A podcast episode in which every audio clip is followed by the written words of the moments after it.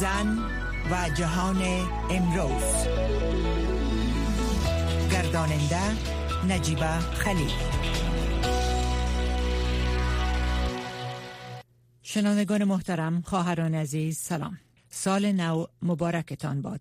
سال نو خوب و خوش برایتان آرزو می کنم چرا حضور زنان در مذاکرات ماسکو روی موضوع صلح افغانستان کم رنگ بود؟ نگرانی زنان در مورد مذاکرات صلح چی است؟ خواست آنان از حکومت افغانستان و جامعه جهانی چی می باشد؟ این موضوعات را با مهمان برنامه خانم پلوش حسن رئیس مرکز تعلیمی زنان افغان و عضو شبکه زنان افغان در میان می‌گذاریم اما بعد از شنیدن اخبار.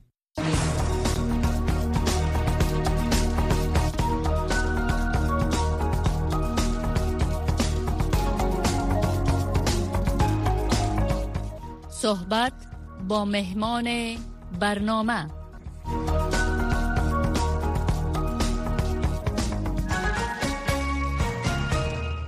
فدراسیون بین المللی ژورنالیستان با اظهار نگرانی از افزایش خشونت علیه کارمندان رسانه‌ای در افغانستان می‌گوید که در جریان ماهای اخیر بیش از 300 خبرنگار زن وظایفشان را ترک کردند. این حال گفته است که از موج خشونت‌های اخیر علیه خبرنگاران زن در این کشور به شدت نگران است. فدراسیون بین المللی ژورنالیستان همچنان گفته است که خبرنگاران زن باقی مانده در رسانه‌های افغانستان خواستار اقدامات فوری برای تأمین امنیتشان در این کشورند.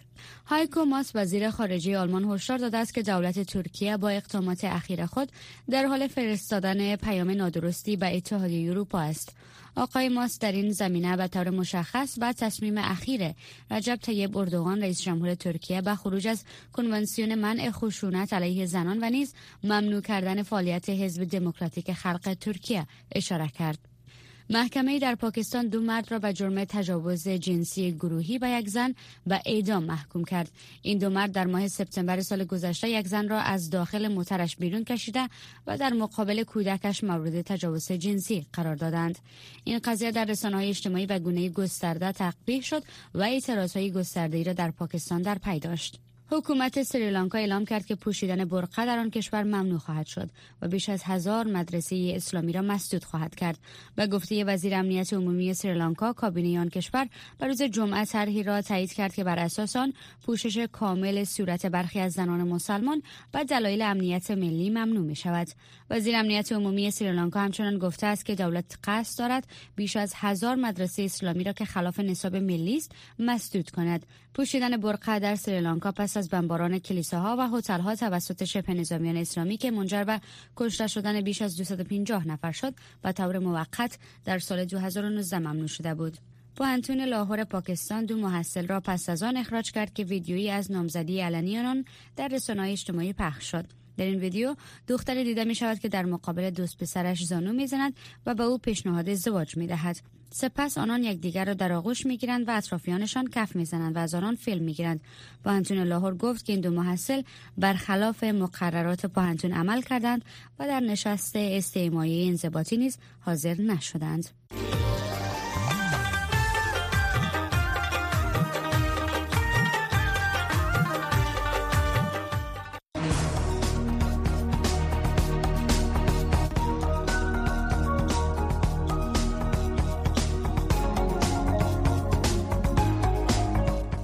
صحبت با مهمان برنامه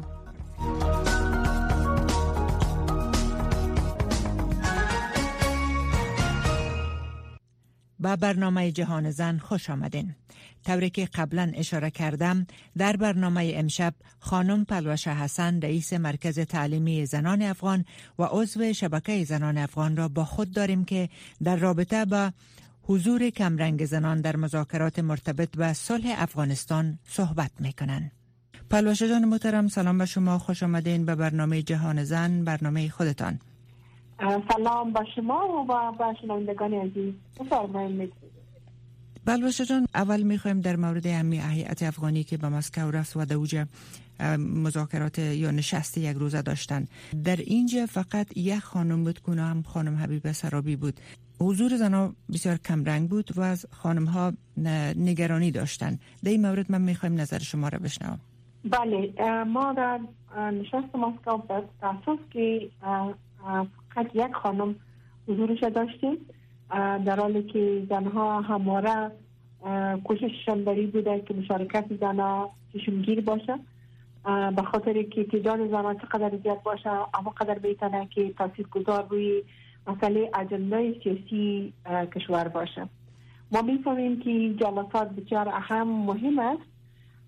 و اگر ما با دیر رقم منوالی که پیش میره و در هر تشکیل و در هر مجالس عمده هر بار ما تعداد زنها را کم, کم رنگتر ببینیم من فکر می‌کنم تاثیر گذاریش در طولانی مدت روی موقعیت زنها بسیار وخیم خواهد باشه و به این خاطر نگرانی زنها هم از این موضوع با بسیار شدت ابراز شد. زنها در سوشل میدیا به شکل کمپین پیش بردن و همگی فصل خود نشان دادن و از جناب حکومت افغانستان و همچنان جناهای بینالمللی که به خاطر فراهم آوری زمینه ملاقات مسکو کار کرده بودن از اون سوال کردن و تصورات خود نشان دادن که باید این گونه نباشه. پاسخ از اونا چیز پاسخ گرفتین یعنی چی گفتن؟ پاسخ گفتن؟ تاسف که پاسخ پاسخ قانع کننده نبوده مثلا دولت افغانستان میگه که چهار نفر از دولت افغانستان دعوت شده بودن که یکیش اونا خانم انتخاب کرده بودن. با طرفی که از حکومت روسیه بوده به جاهایی که زنها می‌تونستن پیغام های خود روان کردن. قبال ما یک جواب قانع کننده را نشنیدیم. اما ما در این زمانی که احترامی کل با چرخانه داریم در گفتمان صلح ما فکر می‌کنیم تعداد قطعا کم است به خاطر اینکه که سایت طالبا قطعا خانم نداره و از افغانستان هم چند خانم در مجموع اصلا تعدادشان کم است. ما خصوصی نزدیک پای ملل متحد در پروسه داخل میشه.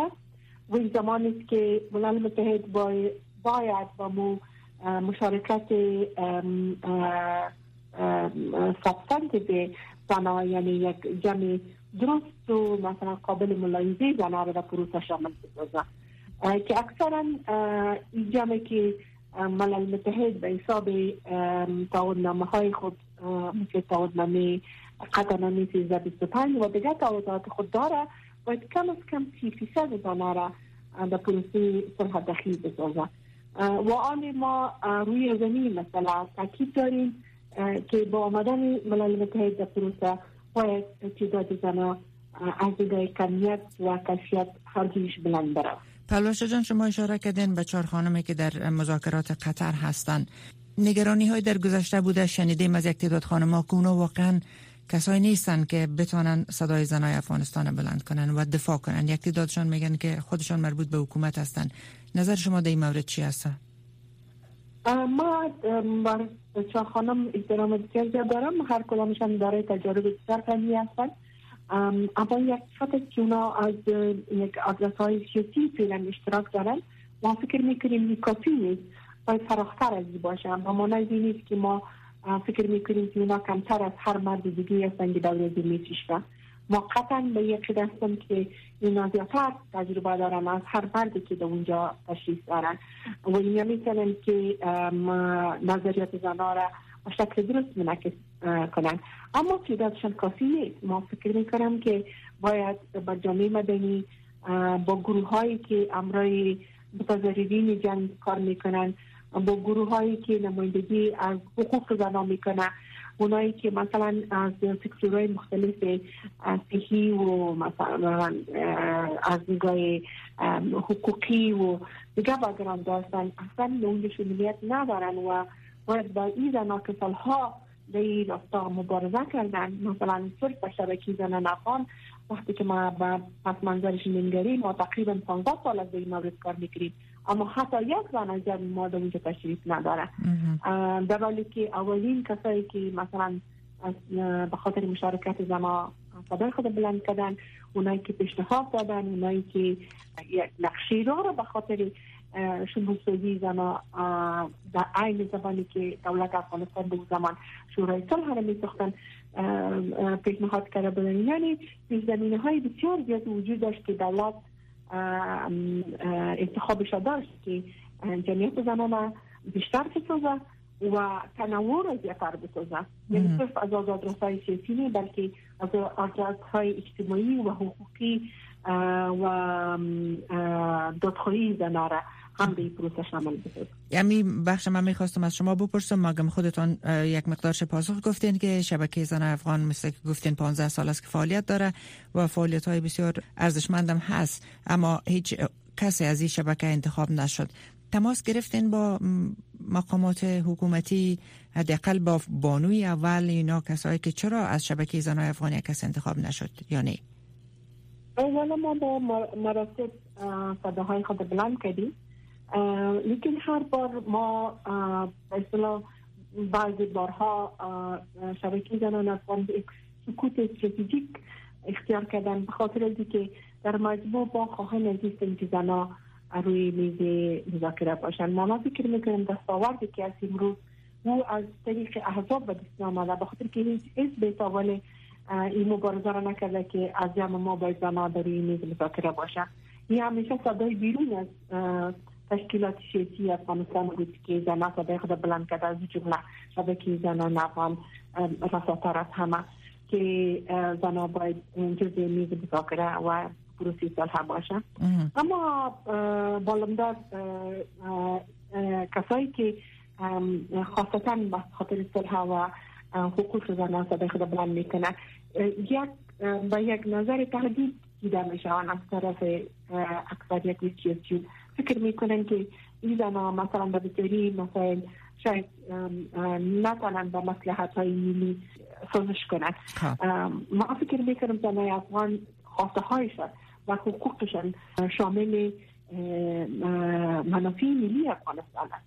اگر زنای افغانستان در آینده افغانستان شامل نباشه ای افغانستان منافع ملیش صرف نمی‌کنه با مردها و یک جبی کوچک زنا تامین شود باید زن مرد افغان مطمئن از آینده خود باشه تا افغانستان یک صلح دائمی را تجربه کنه. در حیاتی که ممکن است تعیین میشه یا تعیین شده نمیفهم شما معلوماتتان شاید معلومات داشته باشین در این قسمت که به ترکیه خواد رفت. آیا امی هیئت خواد بود و یا ای که کدام اعضای هیئت دیگه را اینا انتخاب خواد کردن؟ ممکن است که این هیئت باشه مگر ما زنا مبارزی خود داریم که باید زنا از جمع جمع مدنی از جمع نهضت حقوقی زنا یک تعداد کثیری اگر نتونن در این مجلس رسمی شامل باشن اقلا به یک سایدیزنگ یا یک یک برنامه موازی اشتراک کنن به خاطر که هدف ما بلند کردن صدا و بلند کردن خواسته های زنان که باید بندازی باشه که همین کسایی که روی میز مذاکره و میز تصمیم گیری ها میشینن باید بفهمن که حقیقت نیم نفوس افغانستان چی است و زنای افغانستان چی آها. ما یک اعلامیه را یا یک نوشته را خواندم که در شبکه زنای افغان در سایتشان در مورد موقف زنای افغان در مورد پیشنهاد ایالات متحده بر افغانستان. بله. در این مورد یک مقدار معلومات بتین اون یک به نام working paper یا white paper یاد میشه به خاطر که انوز هم بنا دوباره دوباره مورد مطالعه می‌کنن و نظریت خود داده میره اما چون دفعه باید ما نظریات زنا که شدیدن هر فیصلی که میشه و یا هر پیشنهادی که میشه ما می‌خواهیم که زنان نظریاتشان به او شامل باشه شبکه زنان افغان منم ورکینگ پیپر او را نشر کرد. و ما منتظر هستیم که زنان شاید نظریات بیشتر بتن که یعنی زیادتر شاید پیپر یا دوباره مرور شود و نظریات جدید هم شامل شود. پیشنهاد امریکا بر افغانستان آنچه که شده شما در اون مورد موافق هستین؟ مخالفت دارین؟ کدام انتقاد دارین؟ ورق هم ما نظریات خود دادیم. یکی از نظریات ما که هر هر پلان و یا طرحی که او در افغانستان ساخته نمیشه خود افغان خوش ساخته نمیشه اون نمی‌تونه که رای حل بر افغانستان باشه. به خاطر که مالکیت افغان باید در پروسه تقویت بخشیده شود. و هر طرح باید به خود اشتراک افغان ساخته شود. اما در مجموع نظریات زنان داشتن که خوب سر بعض مواردی که سر قانون اساسی نظریات بود یا دیگه موارد مثلا قانون اساسی یکی از خطوط قرمز زنای افغان است. به خاطر که حق حقوق زنان تا حد زیادی در تسجیل شده. و آلی اگه او در بازار ما ورود می‌کنیم به خاطر تغییر تبدیل به خاطر مسائلی که شاید طرز حکومت و دیگه مسائل باشه. ما باید مثلی چیزایی که امون فصل دوم قانون اساسی است و درباره حقوق اطباق مخصوصا حقوق بشری زن و مردا از او رو باید از نکیم این مسائل است که زنا به این مورد نظریت خود دادن و یا مثلا موارد دیگه که از فرزن حکومت محقق و دیگه مسائلی که زنها تجربه داشتن در افغانستان سالها دورانی که مثلا حکومت کمونیست و مجاهدین می‌رسه و بالاخره گدوجی هایی که در افغانستان میایه این کلش به اصطلاح نظریات زنها را بیسازه امروز که اونا پس از یک حکومت دفعتن مقب دارن و به این مورد هم زنان نظریت خود داده. و موارد مختلف. یا مثلا افغانستان از قبل کشور اسلامی است و مثلا اگه ما بعضی گروه هایی را به نام گروه فقه و دیگه بیاریم صلاحیت های چطور می‌تونه مثلا صلاحیت های محاکم و دیگه مثلا زیر سوال بگیره؟ این تمام مسئله که در نظریت خود دادن. شاید دوباره هم نظریت خود بسن و تا اینکه نشست ترکیه شاید نظریات پخته تر شود. نما جمعوی دوباره صورت بگیره و طرح جدید پیشنهاد شد بسیار علا فقط سوال آخر ازتان می‌پرسم. شما می‌فهمین سناتور جین شهین سناتور ارشد سنای امریکا یکی از طرفدارای جدی حقوق زن در افغانستان است. اگر قرار باشه که با اونا شما روبرو شوین خواستتان چی است؟ من حیث یک زن افغان. اول خوب فکر می‌کنم زنای افغان همیشه اونا رو حامی حقوق خود دانستن و ما از اونا تشکری می‌کنیم که از قبل نامی که اونا نوشتن و ما تقریبا 75 نفر دیگه از سنا و پارلمان امریکا با او با پایزی امضا کردن. این بیشتر یک حمایت بزرگ بود. اما خواسته ما از خواد باشه که هر پسگردی که ما در افغانستان به او پروسی دولت امریکا او رو تسهیل کنه. هر پسگردی در مورد حقوق زنه. عواقب ازی به تمام دنیا و حقوق زنها در دنیا خوب نخواد باشه. به خاطر که اگر ما یک بار امرای یک گروه به اصطلاح افراطی قبول می‌کنیم که حقوق زنان را به مصلحت این دیگر یک ترند جدید خواب به دنیا باشه. و از او خاطر ما فکر می‌کنم ما فقط به خاطر زنای افغانستان ما فقط برای تمام زنای دنیا خواد باشه. و این مثلا زنای دنیا و زنای امریکایی فکر نکنه که صرف به زنای افغانستان کمک می‌کنه ما فکر می‌کنم این کمک به تمام زنای دنیا. ما باید تا که با هم سالیداریتی خود نداشته باشیم حمایت یک دیگه خود نداشته باشیم نمی‌تونیم مجاهداری که با زن افغان کنیم شاید باز بر دنیا به تمام کشورهایی که در حال جنگ هستند و در جاهایی که جنگ به نام مذهب و مسائل دیگه جریان داره. هر بار شاید زنای امو کشور حق حقوق خود از بده. بهتر است که اکثر کشورها به این وقت زنای افغان کمک کنند تا که بتونیم که مالی تقویت شوید. با اون حالتی که افغانستان در سال 2001 بود. پلوش جان ازن رئیس مرکز تعلیمی زنان افغان جهان سپاس از اینکه وقتتان در اختیار برنامه ما گذاشتین. تشکر شب روزتان بخیر.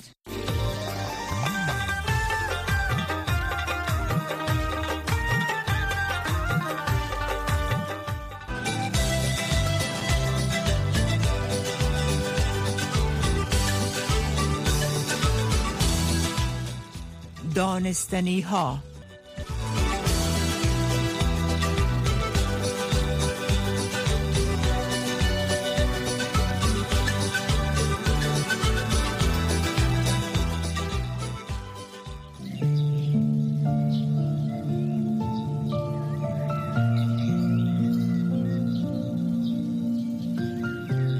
شنونده محترم سلام. وقت شما بخیر. رویا زمانی هستم. با تقدیم بخش برنامه.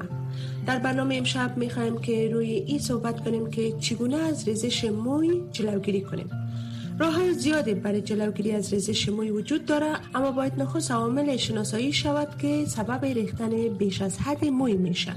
ریزش تا 100 تار موی در یک شبانه روز کاملا طبیعی پنداشته میشه اما در صورتی که ریزش موی بیش از این حد باشه باید به دکتر مراجعه کنید رژیم غذایی مدیترانه‌ای که سرشار از سبزیجات خام، گیاهای تازه، میوجات، مغزیات، غلجات، حبوبات و ماهی است بر اساس یک پژوهش برای جلوگیری یا کم کردن یا کم از کم کاهش ریزش موی موثر خوانده شده. پروتئین جزء اساسی سازنده ریشه موی است. ویتامین A به صفت مواد تقویت کننده رشد مو پنداشته میشه به همین ترتیب ویتامین های D, C, B و زینک برای حفظ سلامت و طول عمر موی و جلوگیری از ریزش مو بسیار مهم پنداشته میشه. سبزیجات، میوجات و لبنیات منابع خوب این مواد است. روغن ناریال بر اساس تحقیقی که در سال 2018 صورت گرفت موی را در برابر مواد آرایشی و اشعه ماورای به نفش که در پرتو خورشید موجود است محافظت می‌کنه مالش پوست سر با روغن برای تأمین جریان بهتر خون بر ریشه مو و رشد بهتر مو مؤثر خوانده شده. شستن مرتب و منظم موی روش دیگه است که می‌تونه از ریزش موی جلوگیری کرده و پوست سر پاک و سالم نگه دارد. آرایش ساده و ملایم موی برای حفظ سلامت مو ارزشمند پنداشته میشه. مصرف ژل های شکل دهنده خوش کردن مو با حرارت بلند به ویژه تاب دادن یا صاف کردن مو با اتو سبب تخریب و شکستن مو یا به اصطلاح همون موی خوره میشه. بهتر است موی در هوای طبیعی و آزاد خشک شود. استعمال مواد کیمیایی به ویژه رنگ موی سبب تخریب موی و تخریش پوست سر میشه. برای تغییر رنگ مو بهتر است به رنگ کننده های طبیعی رجوع شود. و از استعمال مواد حاوی امونیا پروکساید و دیگر مواد کیمیایی به مو جلوگیری شود. یوگا نیز به دلیل ای که تشویش استراب و استرس کاهش میده برای حفظ سلامت موی کمک می‌کنه. تشویش و فشارهای عصبی و روانی سبب ریزش موی میشه. با این حال کم شدن موی و افزایش ریختنان یک پدیده طبیعی است. حدود نصف مردان تا سن 40 سالگی این مشکل تجربه می‌کنند. به امید صحت و سلامتی شما.